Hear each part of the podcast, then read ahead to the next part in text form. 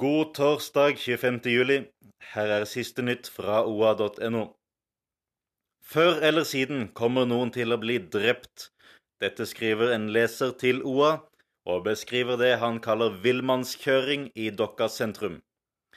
Politiet oppfordrer folk til å ringe og melde ifra, men har ellers få virkemidler i kampen mot kjøringen på nattetid.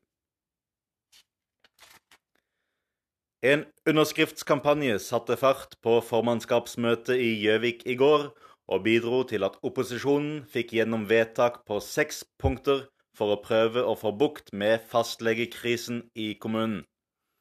Jeg har fått tilbake troen på lokaldemokratiet, sier Elisabeth Vedø, som sto bak underskriftskampanjen. Ellers kan du lese om en totning som etter å ha vært voldelig i Bergen, nå må belage seg på 30 dagers fengsel, og du kan se søkerlista for fastlegehjemmel i Gjøvik.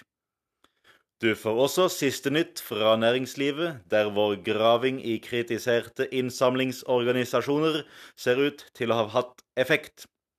Følg med på oa.no for de siste og viktigste nyhetene fra Vest-Oppland.